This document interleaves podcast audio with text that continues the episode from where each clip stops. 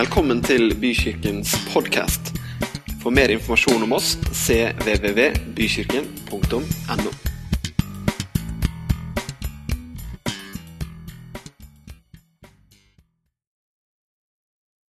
Dere Jeg vet ikke åssen det er med dere, men ofte så er jeg litt opptatt av meg selv.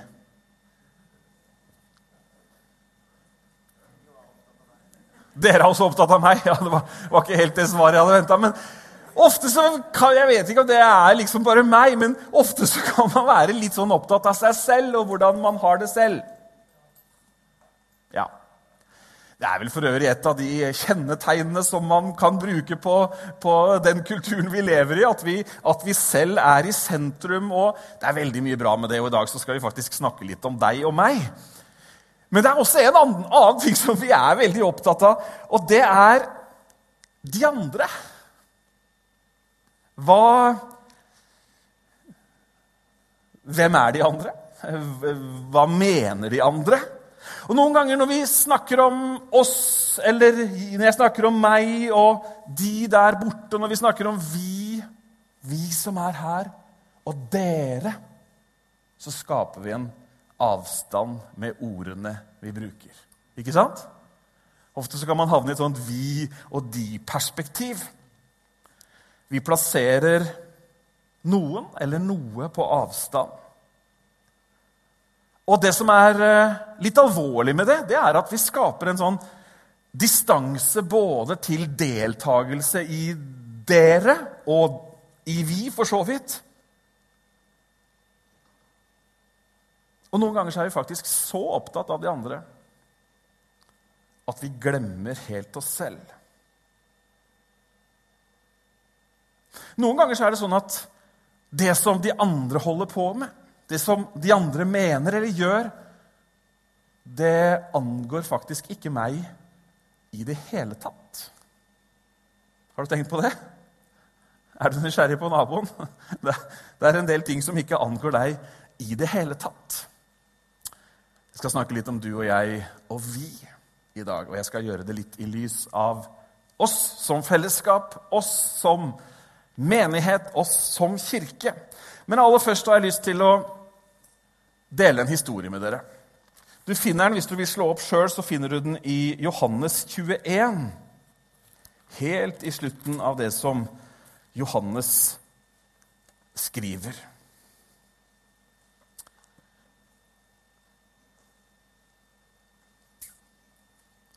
Og det står eh, fra vers 21 så står det Eller egentlig fra vers 20 kan vi lese Da snudde Peter seg og så den disippelen som Jesus elsket, følge etter. Det var han som hadde lent seg til hans bryst ved måltidet, altså det siste måltidet, og sagt, 'Herre, hvem er det som forråder deg?' Og da Peter, altså Peter ser at Johannes også følger etter Jesus Og Da Peter ser han, sier han til Jesus, 'Men Herre, hva da?'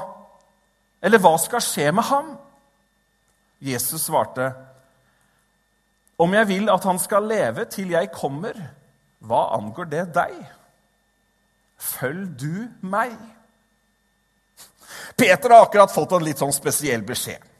Settingen her er jo ikke sant at Jesus har eh, stått opp igjen, han møter de, og Peter har blitt stilt disse spørsmålene. ikke sant? 'Elsker du meg? Har du meg kjær?' osv. Og, og så har Peter fått beskjed om at eh, når du var ung, så var det andre som på en måte eh, bandt opp om deg, som satte retningen for livet. Men når du blir gammel, så skal du føres til og med de stedene du ikke vil, står det litt tidligere i kapittelet her. Så Peter har egentlig akkurat fått vite at han kommer til å bli gammel. Og Det er nesten som om Peter har med seg den kunnskapen om at han kommer til å bli gammel når han nå møter en del motstand litt seinere.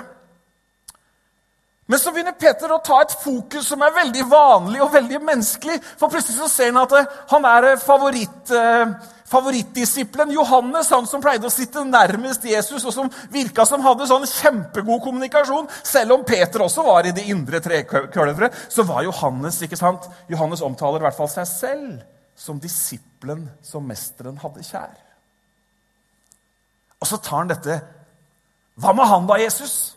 Åssen kommer det til å gå med han? Kommer han til å bli gammel? Kommer han til å fortsette? Og så videre og så videre. Og Jesus svarer da litt sånn mildt irettesettende og korrigerende. Om jeg vil at han skal leve til jeg kommer igjen, altså Jesus snakker om sin gjenkomst, hva angår det deg? Følg du meg. Kanskje er det like aktuelt for oss i dag å la Jesu milde korrigering, hans formaning, treffe oss. Fokuset er så fort på hva de gjør, hva de prioriterer, hva de velger å gjøre. Ikke sant? Og så blir vi liksom et sånt offer for hva andre synes er bra, og vi forsøker å passe inn i bildet av de rundt oss istedenfor selv å være den vi skal være og i vår kontekst følge den vi skal følge. Hva angår det meg om de andre velger å gjøre noe annet? Hva angår det deg om ingen andre i din vennekrets velger det som du velger? Hva angår det deg og meg om folk gjør det som bare ligger i tiden, og som alle gjør? Kallet vårt er å følge Han som sa 'følg meg'. Men hva med han? Han følger jo ikke deg. Hva med, hva med, de? De har valgt bort kirke. Hva med de? De ber ikke lenger. Hva med de? De gir ikke lenger. Hva angår det meg? Hvis jeg har et kall, hvis jeg har en å følge, hvis det finnes en som er mester og herre, og som har gitt oss sitt ord, og som har lagt sin ånd i oss, og som leder oss, og som har sagt 'følg meg', hva angår det meg da hva alle andre gjør? De der borte. De andre.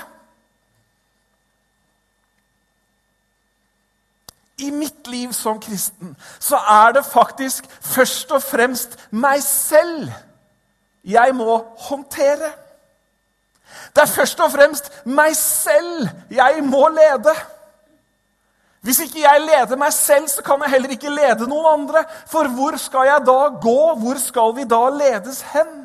Er dere med på tanken? Hva angår det meg? Hva angår det deg, Peter, om Johannes kommer til å leve til min gjenkomst eller ikke? Du har et personlig oppdrag. Du følger meg, og det vil jeg at du skal fortsette med. Mange som sitter her i dag, har opplevd at nære venner, familiemedlemmer osv. osv. har valgt Jesus bort. Ikke sant? Vi sitter her med søsken, med foreldre, med gode venner, med nære relasjoner som har valgt å gjøre noe helt annet. Og hvis du er den ene som står igjen i søskenflokken, eller den ene i vennekretsen som fortsatt syns at bønnemøter er viktig, så dra på bønnemøte. Amen. Hva angår det deg? Hva angår det meg? Hm. Dere, dette er vår retning.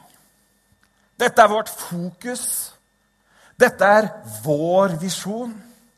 Og vi sier i bykirken at vi ser en kirke hvor alle er velkommen uansett. Der det vanlige er at nye mennesker kommer til tro på Jesus Kristus en kirke full av barn, unge og voksne som hjelper hverandre til å leve åpne liv og helhjertet følger Jesus. Mange kan den utenat. I denne vi-uttalelsen så ligger det mer enn bare at det er noe som vi som et fellesskap skal gjøre. For du skjønner det at eh, kirken, menigheten, fellesskapet er ikke bare ett kollektivt uttrykk. Det er ikke sånn at Kirken er bare når alle medlemmene er til stede, og det er først da liksom vi kan begynne å gjøre et eller annet. Skal du se en litt annen versjon av samme visjon? Hvor ikke det bare er vi vi venter på at alle skal komme, sånn at vi er komplett. Men hvor det faktisk er snakk om deg og meg. Jeg ser at jeg er en del av kirken. Og jeg ønsker alle velkommen uansett. Nei da, den der var jo litt drøy. At jeg ønsker alle velkommen, men som kirke gjør vi det. Men ikke meg. Det vanlige for meg er at nye mennesker kommer til tro på Jesus Kristus. I kirken vår er det barn, unge og voksne som hjelper meg, og jeg hjelper dem til å leve åpne liv. Og jeg følger Jesus av hele mitt hjerte. Er du enig i at det er en liten forskjell på den, den første og den andre? Og du vet, Nå har jeg bare tenkt å oppmuntre oss kraftig i dag til å skjønne at ikke vi trenger å vente på at alle skal komme på plass før vi kan begynne å være i kirken. Er ikke det spennende, da? Det er jo kjempekult at ikke vi trenger å vente lenger, men at vi faktisk bare kan gå i gang og komme oss videre. Her en søndag så sier Gunnar noe til meg som, eh, som jeg beit meg merke i. Gunnar som sitter bak der. Vi drev og snakka om menighet og et eller annet, og så sier Gunnar Ja, må Gud velsigne oss!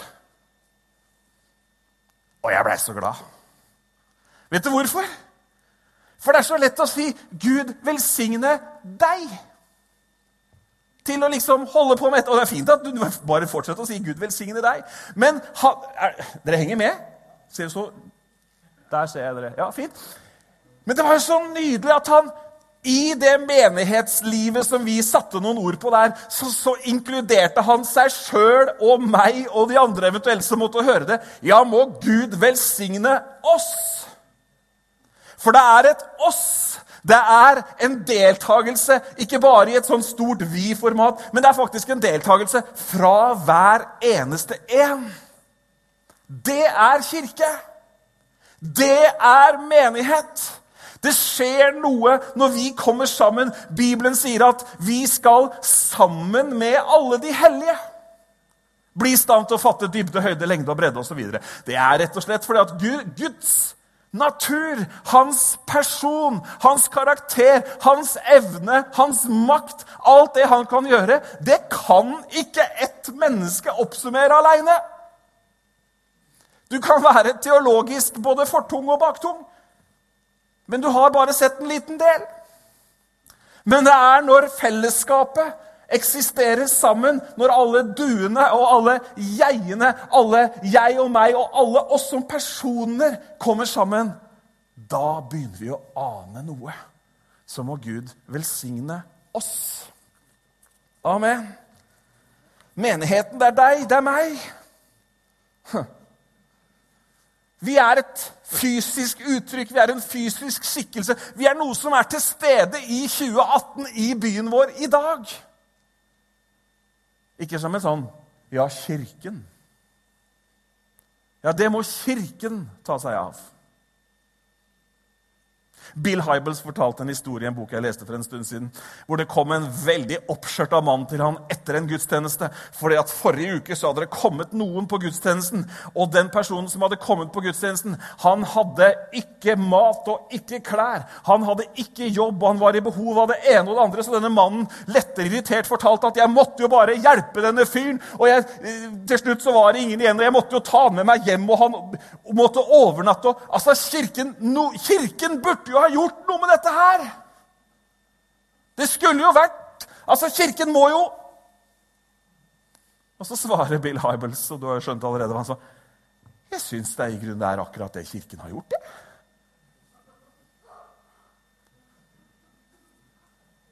Altså, hva maser du etter? Du gjorde det! Du er Kirken! Og vi ser en kirke hvor du og jeg faktisk er med. Ulikt alle andre organisasjoner. Nå har vi noen vedtekter. Vi har noen eh, retningslinjer, vi har en tilknytning, vi har det formelle i orden, vi er registrert som trossamfunn, og vi kan vie deg og begrave deg og alle de tingene der. Men Kirken det er noe som er langt over det. Menigheten, fellesskapet av de utvalgte. Så når du i, i, denne delen av, i denne delen av visjonen sier at 'jeg ser at jeg er en del av Kirken', så dreier det seg ikke om et formelt medlemskap og en adresse hvor dødsmeldingen sendes. Det er stedet der Gud har bestemt at hans storhet, hans makt, hans velde skal vises og gjøres kjent for verden. Det er Kirken. Og det er deg, og det er meg. Er ikke det bra? Han sier til Peter, og det sier jeg deg, du Peter, den, du er Peter, på denne klippet vil jeg bygge min kirke og dødsrikets porter skal ikke få makt over den. Jeg vil gi deg himmelrikets nøkler. Det du binder på jorden, skal være bundet i himmelen, og det du løser på jorden, skal være løst i himmelen. Det var ikke noen vanlig organisasjonsbeskrivelse, akkurat. Dødsrikets porter skal ikke få makt over den. Ikke engang døden skal kunne stoppe min menighet, sier Jesus. Og jeg vil gi dere noe. Jeg vil gi dere en autoritet. Jeg vil gi dere noe som gjør at dere utgjør en forskjell. Det dere binder, det skal være bundet. Det dere løser, det skal være løst. Altså, Vi har fått en makt som menighet, som kirke. Ikke bare vi som et fellesskap, men vi som et fellesskap av enkelt troende, av deg og meg. Amen. Det er kraftig. Det er veldig kraftig. Huh.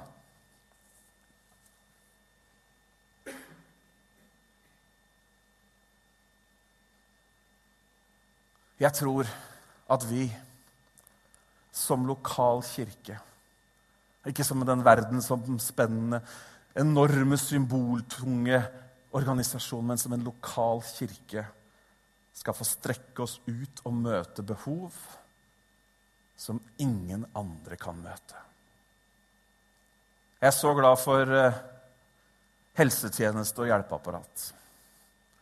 Jeg er så glad for velferdsstaten og alle ordninger. Så jeg sier ingenting imot det. Det jeg sier, er at Kirken, menigheten, har det som dypest sett kan stille den lengselen som mennesker har. Fastlegen er dårlig på åndelig behov. Og tannleger er dårlig på evighetsperspektivet. Men det er lagt ned i alle mennesker. Det er vi som kan møte behovet, lengslene, og tomheten med evangeliet om Guds nåde og sannhet, som vi så så tydelig i Jesus. Så kan vi jo si at Kirken opp igjennom har gjort veldig mye rart. Hm, vi skal noe vi skal ikke bruke mange minuttene her på det, for det kan det sikkert skrives bøker om hvordan vi som mennesker har rota det ene og det andre til. Men dere, det forandrer ikke den opprinnelige hensikten det forandrer ikke det mandatet Gud har gitt sin menighet. Og det tar ikke bort løftene hans. Og det forandrer ikke ordet hans. Henger du med her? I Efeserbrevet så står det slik skulle nå hans mangfoldige visdom gjennom Kirken bli kunngjort for maktene og myndighetene i himmelrommet. Dette var Guds forsett fra evighet det han har fullført i Jesus Kristus, vår Herre. Hm. Når Jesus gikk her, så så vi Faderens herlighet. Menneskene møtte hans visdom. Og det samme som Jesus hadde, ble så gitt til menigheten, ble så gitt til kirken, som er deg og meg. Du skjønner hvorfor jeg sier at ikke dette er noen vanlig organisasjon med medlemskap og visse tilbud? Du henger med? Det er bra. Så dere, det er en kirke vi ser. I denne betydningen. Og den kirken, den menigheten, det er du og jeg. En kirke der hvor alle er velkommen uansett. Eller som jeg hadde for noen få bilder siden her Og jeg ønsker alle velkommen uansett. Vi sier det at vi ønsker alle mennesker velkommen til bykirken, enten det er med eller uten bagasje, om livshistorien er lang, om det er byrder, om det er laster, syk eller svak. Dørene er åpne. Og det var nå jeg skulle hatt et rungende amen. Så jeg prøver en gang til. Dørene er åpne. Fantastisk. Det er ganske lett å si amen på sånn ekstraoppfordring en søndag formiddag. Er det ikke det? Amen. Ja, det, det er bare en som hang litt etter, men han kommer, han også. Men du skjønner at det, Gud, han elsker Vet du hvilke mennesker Gud elsker? Han elsker alle mennesker! Ja, det var ubehagelig. Ja, men hva med de som ikke lukter så godt, eller de som ikke har samme interesse som meg? Han elsker dem også! Og hvis vi skal være denne kirken hvor alle er velkommen uansett, da må jo jeg ønske alle velkommen uansett. Ja, men har vi ikke sånn folkteam, da? De har jo ikke sjans. Hallo? De er jo bare noen få. De liksom bare skal være sånn litt ekstra oppmerksomme. Men det er deg og meg. Det er du og jeg som, som ønsker folk velkommen uansett. Og det kan vi ikke bare gjøre dypt inn i hjertet.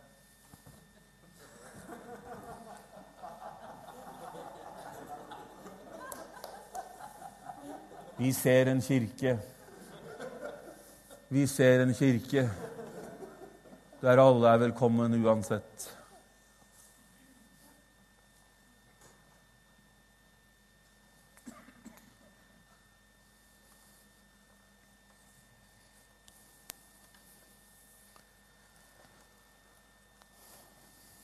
Gud ønsker at alle mennesker skal få oppleve den fylden, den tilfredsheten, den kjærligheten, den hensikten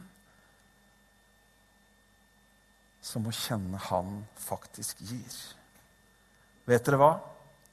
Livet med Gud har aldri bare vært forbeholdt eliten.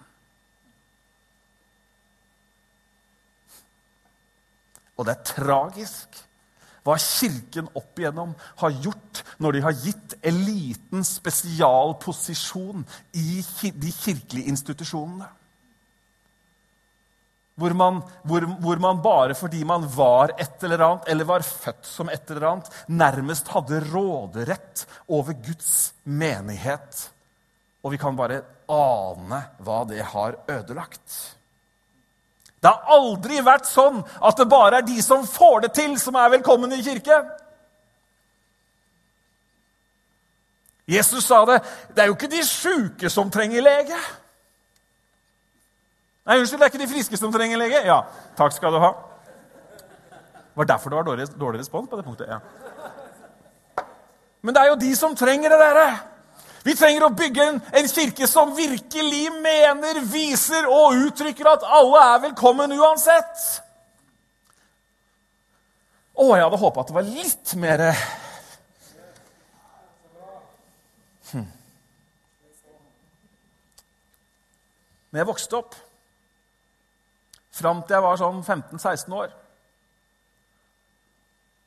så hadde jeg sett flere rusa høye og utslitte folk i menigheten jeg vokste opp i, enn det jeg hadde sett ellers på gata. Jeg tuller ikke. Jeg hadde sett mer av byens slitne folk ved å gå på møtene i menigheten enn det jeg hadde gjort ved å liksom ta buss og bevege meg rundt osv.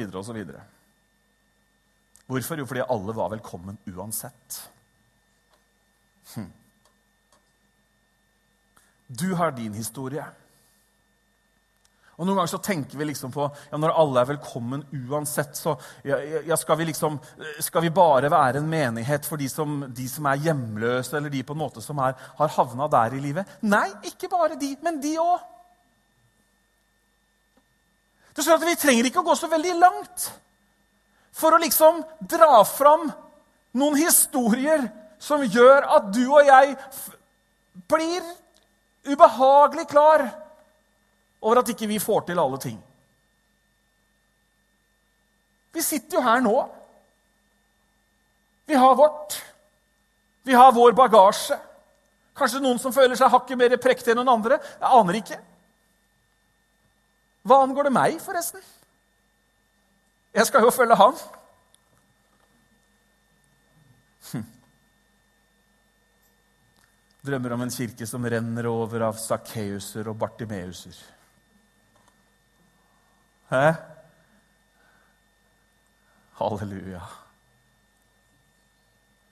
Så møter man Jesus, vet du. Han som føder på nytt.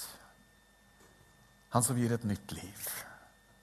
Dere, vi bærer på verdens håp. Vi bærer på det som mennesker trenger. Vi bærer på det de lengter etter. Og jeg drømmer om en sånn kirke. Om at alle kan komme uten at noen religiøse trær, tær føler seg tråkka på. Og hvis de blir tråkka på, så lærer de seg vel etter hvert at det er lurt å holde seg unna. Det er du og jeg. Det er du. Det er jeg som er den kirka hvor mennesker skal oppleve at de er velkommen uansett. Det er ikke folketeamets oppgave alene, dere. Det er ikke møtevertet. Det er liksom ikke de som er spesielt trent til det. Det er deg og meg. Oi. Nå tror jeg det skjer noe spennende snart her, Katrin.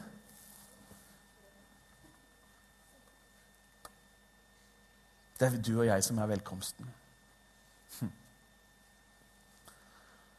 Jeg har noen spørsmål. Du trenger ikke å svare, men du kan ta dem med deg. Det første er Er alle velkommen?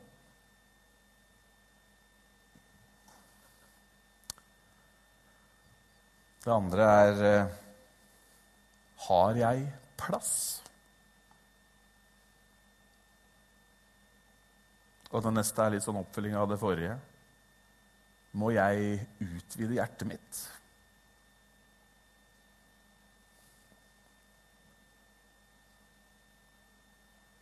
Hm. Er det jeg som skal avgjøre hvem som får komme?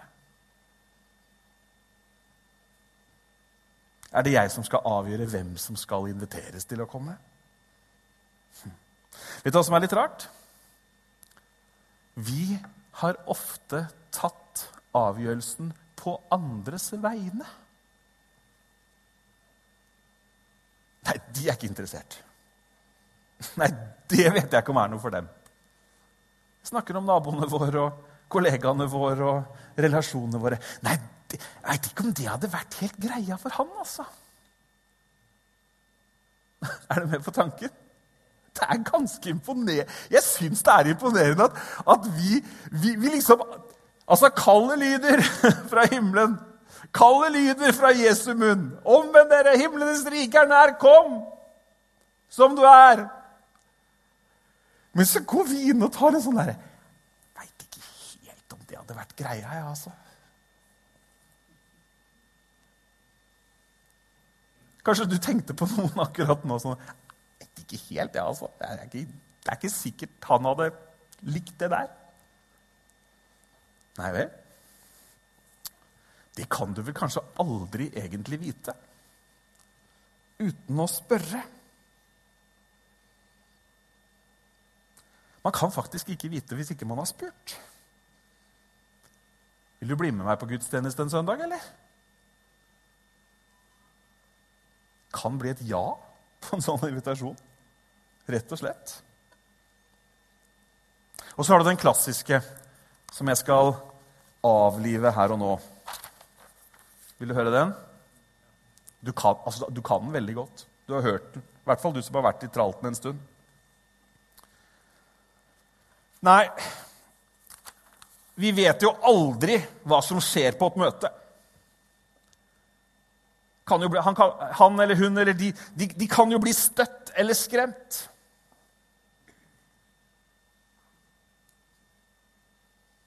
Jeg har bare lyst til å si en ting. Den argumentasjonen der den er utgått på dato for lenge siden.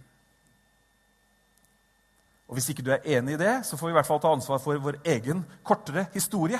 Og så vil jeg gjerne at du, at du sender meg en mail hvor du, for, hvor du, forteller meg forrige gudstjeneste som var så uanstendig at du ikke kunne hatt med deg en av dine kollegaer.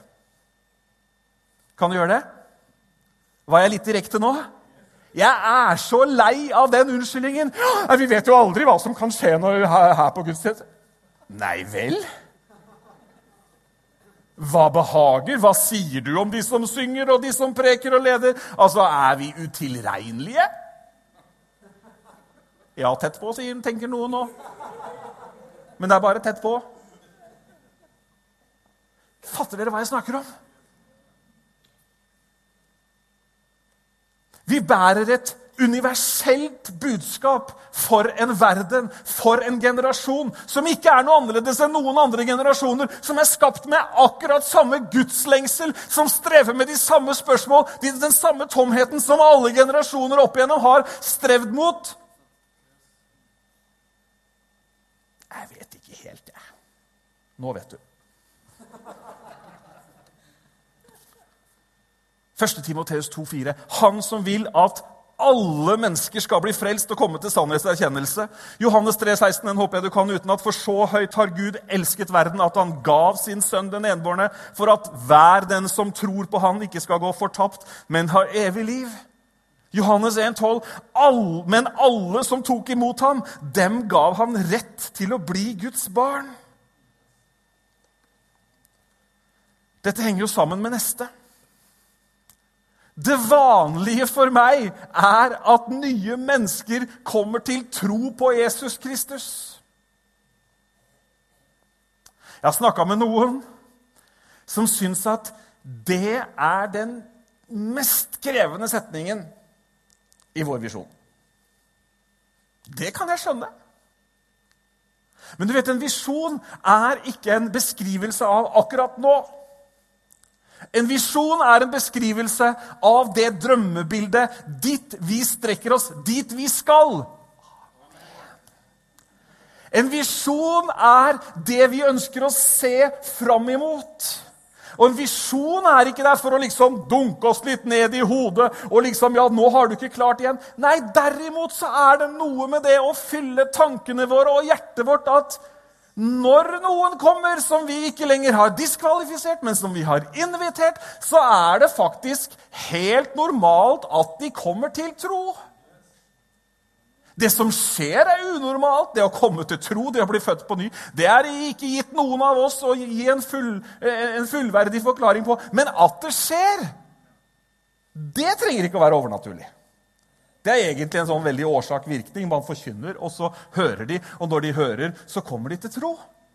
Men Paulus sier det jo veldig klart i Romerbrevet 10. Hvordan kan de tro på han de ikke har hørt om? Og hvordan kan de høre på han som Eller hvordan kan de, hvordan kan de eh, tro på han uten Eller hvordan kan de høre uten at det er noen som sier det? Noen som forkynner? Dette er litt gøy, er det ikke det? Veldig morsomt å vri litt på ting. og Det hender vet du, at vi mennesker sånn når vi har passert 40, at vi sitter litt fast i en eller annen forestilling.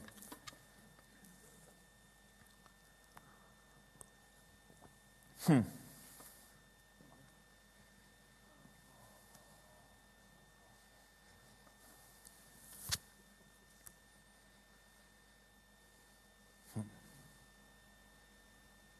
Jeg tror at vår, vårt fellesskap og vår kirke skal kjennetegnes av at man kjenner at her er Gud. Her var det godt å være. Noen ganger er det morsomt å snakke med folk som besøker oss for første gang. For de er ikke så opptatt av de samme tingene som vi er opptatt av. Det er litt sånn derre hvor, hvor, hvor, profesjonell var lovsangen? Eller hvor Altså du hva mange de sier liksom at det at de opplevde at det var, jo, det, var jo, det, var så, det var, jo, så, varmt å komme. Det var jo så, Folk snakka jo med meg. Og som en familie sa, som har begynt å gå her fast De sa dere var jo ikke hyggelige bare første gangen. Første gangen, sa jeg. Hva mener du? Nei, de hadde vært på, de hadde vært på sånn menighetsrunde. Det gjør folk nå. Du, du har fått med deg det? Man flytter til en ny by, så tar man en sånn skanning, og noen bruker lang tid på den skanningen, men et eller annet sted i skanningen så hopper man av liksom skanninghjulet, og så Nei, men her vil jeg bli. Og De hadde vært på sånn skanning, og de hadde vært i noen menigheter hvor de var superhyggelige første gangen. Og neste gang så var det ingen som var så hyggelige. For da hadde de liksom på en måte hilst på de. Jeg vet ikke hvordan dette, dette var deres ord. jeg er ikke sikker på at det egentlig var helt sånn, men det var i hvert fall en opplevelse de sa. Poenget er at eh, noen kommer hit og så har Gud ansvaret for å nå inn i hjertet, ikke jeg. Ei jeg snakka med her forleden, som var her for første gang. Altså, Hun hadde altså blitt så ikke troende, men hun syntes altså det å sitte og høre lovsangen Det syntes hun var helt fantastisk. Jeg fikk null kred for prekenen den søndagen. Hun snakka om lovsangen. Amen.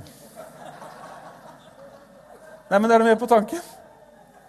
Og Frank vet du, han pleier å fortelle Frank, som dessverre er syk i dag, han pleier å fortelle om når han ble med på et møte i Sverige hvor det var en som holdt den heidundrende kollektpreken. Den unge gutten kom i syndenød og tok imot Jesus. Nei, det går ikke an. Jeg vet ikke. Kan det hende at han delte et gudsord i den kollekten? Kan hende at han rørte ved noen prinsipper i Guds hjerte. jeg vet ikke. Det var i hvert fall tydeligvis nok til at en som ikke hadde tatt en beslutning for Jesus, tok det. Hm. Halleluja. Jeg ser på tiden at jeg ikke skal ta alle punktene jeg har igjen. Nei, du snakker om Ja, nå skal du være glad for at det er så mørkt i salen og ikke så hvem det var som sa det.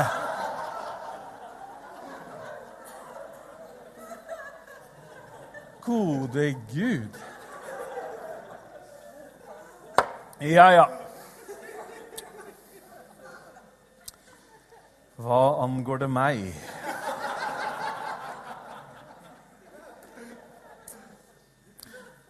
Bare dobbeltsjekke med deg, Asbjørn. Har du en video klar til meg? Ja, gjør den klar, for nå kommer den snart. Men eh, dere Evangeliet er kraftig. Vanlige mennesker, vanlige liv, skal få møte Han som åpner en helt ny verden. Tilgivelse, fred, håp, framtid, vennskap, tilhørighet. Derfor er vi til. Hmm. Vi og du er en kirke full av barn, unge og voksne som hjelper meg, og jeg hjelper dem til å leve åpne liv. I vår del av verden så setter man ofte generasjonene mot hverandre. Man tydeliggjør forskjellene, og når man tydeliggjør forskjeller, så skaper man ofte avstand. Jeg er glad for at dette punktet her det er både en nå-beskrivelse og en framtidsbeskrivelse av bykirken. Vi er 200 personer som frekventerer dette kirkefellesskapet on a regular basis. I løpet av tre-fire uker så har det vært minimum 200 som vi på en måte ser fast. Og en tredjedel, litt mer enn en tredjedel av dem, er barn. Halleluja. Det er vi utrolig glad for. Og vi, tror, vi har en tanke om at i bykirken så er alle generasjoner er disipler. Det er ikke sånn at er disipler når de er betvint så skal lære et eller annet, og så går de over i sånn voksenrolle hvor ikke det er noe som helst. Nei, du som er voksen, du er også en disippel. Ja. Halleluja.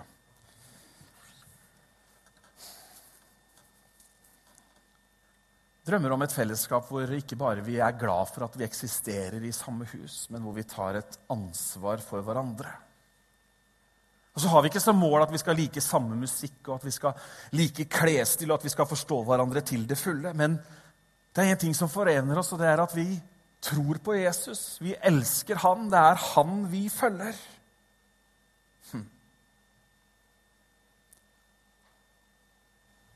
Og Jeg tror også at vi skal skape noen arenaer. Og da mener jeg skape noen arenaer hvor dette får sitt uttrykk til det fylle. Vi snakka om det forrige søndag, om åndelige foreldre. Vi har flere sånne arenaer, og flere skal det bli. Hvor vi kan hjelpe hverandre. Det er nemlig sånn at når ungdommer møter eh, hjertevarme og interesse, da tar de gjerne fyrstekaka med på kjøpet.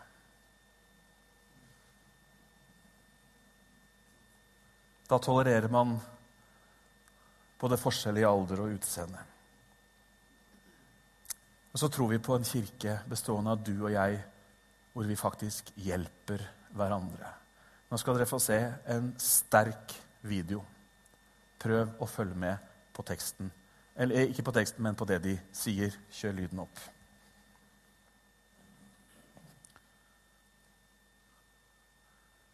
Has to win and to be sure of taking the title. And right now he seems to have lost control of his legs. And this is worrying. Oh, and he's starting to slow. And there is a little way to go. There's half a K to go. And Johnny is running out of time and is losing.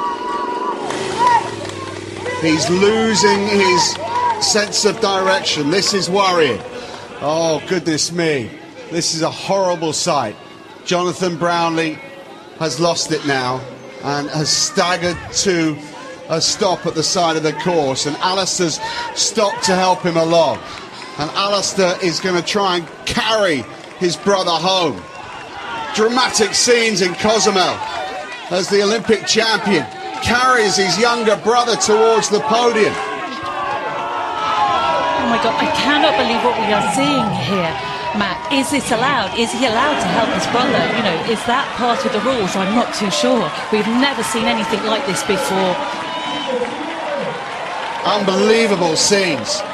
Unbelievable scenes in Cozumel.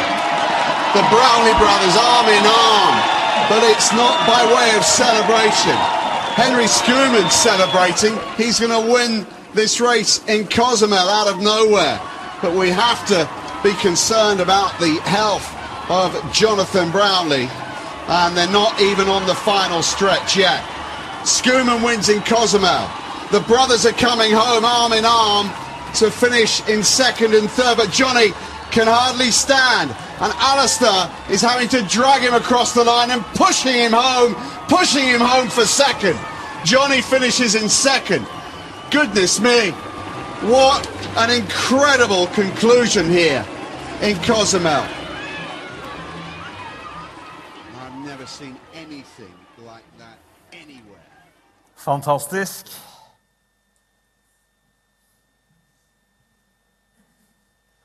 Jeg kan nesten ikke se den der uten at tårene bare renner. Men dere, dette er kirke. Dette er du, og dette er jeg. Disse gutta her i verdensmesterskapet i triatlon i Mexico. Dere så hva som skjedde. Men dere Han kunne ha gjort som så mange andre. Han kunne ha tenkt på seg sjøl. Han hadde muligheten til å plassere seg helt i toppen, den her eldre broren. Men så ser han at lillebror trenger hjelp. Og ikke bare hjelper han han litt på veien, men han skyver han over målstreken, som dere så, før seg selv.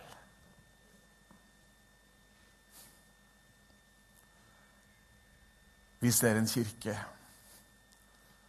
med barn, med unge og med voksne som hjelper hverandre. Som støtter hverandre, og som skyver hverandre over målstreken. Amen. Som ikke er så opptatt av var det jeg som kom i fokus nå, men som er mer opptatt av å få den andre over. Amen. Dette er et utrolig flott bilde. I et intervju rett etterpå så prøver han her eldrebroren han her, prøver liksom å forklare liksom tankene som gikk gjennom hodet akkurat der og da. Hva skal jeg gjøre? Men han sier at han, han hadde på en måte ikke noe valg. Det var bare det han måtte gjøre. Og så hørte han stemmen til mora inni hodet dersom han ikke hadde hjulpet broren sin.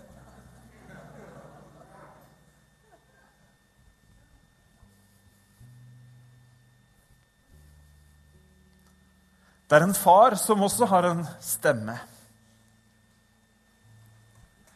En himmelsk far har en stemme. Og han sier, 'Fø mine lam'. Han sier, 'Vokt mine får'. Han sier, 'Fø mine sauer'. Dere, vi har et fantastisk oppdrag foran oss. Du og jeg. Og vi skal reise oss opp. Og så skal vi be sammen. På samme tid skal vi be. Vi skal ikke be sammen, men vi skal be på samme tid. Men jeg har lyst til å be én kort bønn før du fortsetter å be og hengir deg i lovsangen. Og det er den samme bønnen som Gunnar proklamerte her en søndag. Må Gud velsigne oss.